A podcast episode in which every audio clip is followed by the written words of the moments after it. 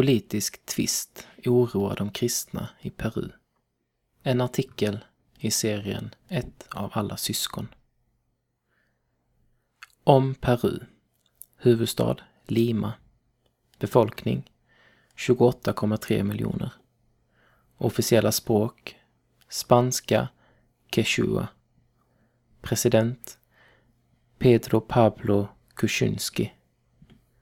Gränsar till Ecuador, Colombia, Brasilien, Bolivia, Chile och Stilla havet. Namn.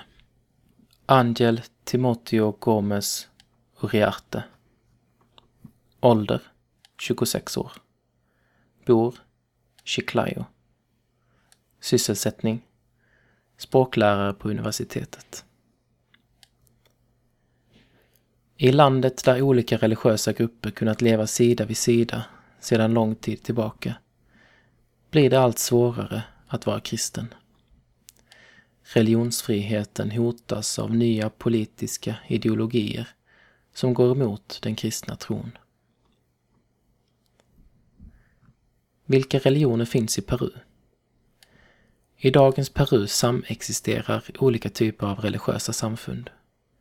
Ur ett traditionellt perspektiv är det bara två religiösa grupper som betraktas representera majoriteten. Protestanter och katoliker. Grupper som mormoner och Jehovas vittnen är också representerade, fast i mindre skala. Hur är relationen mellan de olika kyrkorna och religionerna? Den protestantiska kyrkan försöker upprätthålla ett ledarskapssamarbete kallad Frappell Fellowship of Pastors. De har möten varje månad. Men det är sällan som katoliker träffas och har samarbete med protestanter.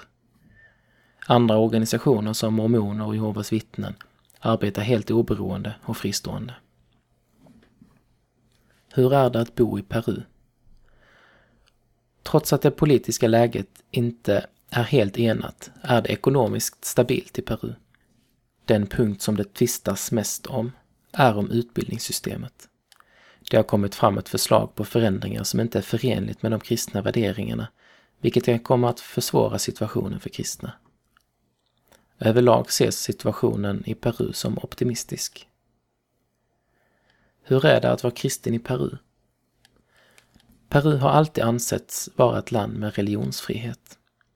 Däremot har religionen under de senaste åren tvingats ta ett steg tillbaka. På grund av den mer öppna debatten och acceptansen i frågan om könsideologi. Vissa offentliga institutioner har även börjat vidta rättsliga åtgärder mot de kristna som inte accepterar en sådan ideologi. Av den anledningen tror jag att det i stor utsträckning kan bli allt svårare att vara kristen på grund av att det sociala och politiska inflytandet har fått allt större plats, inte bara i den sekulära världen utan också i kyrkan.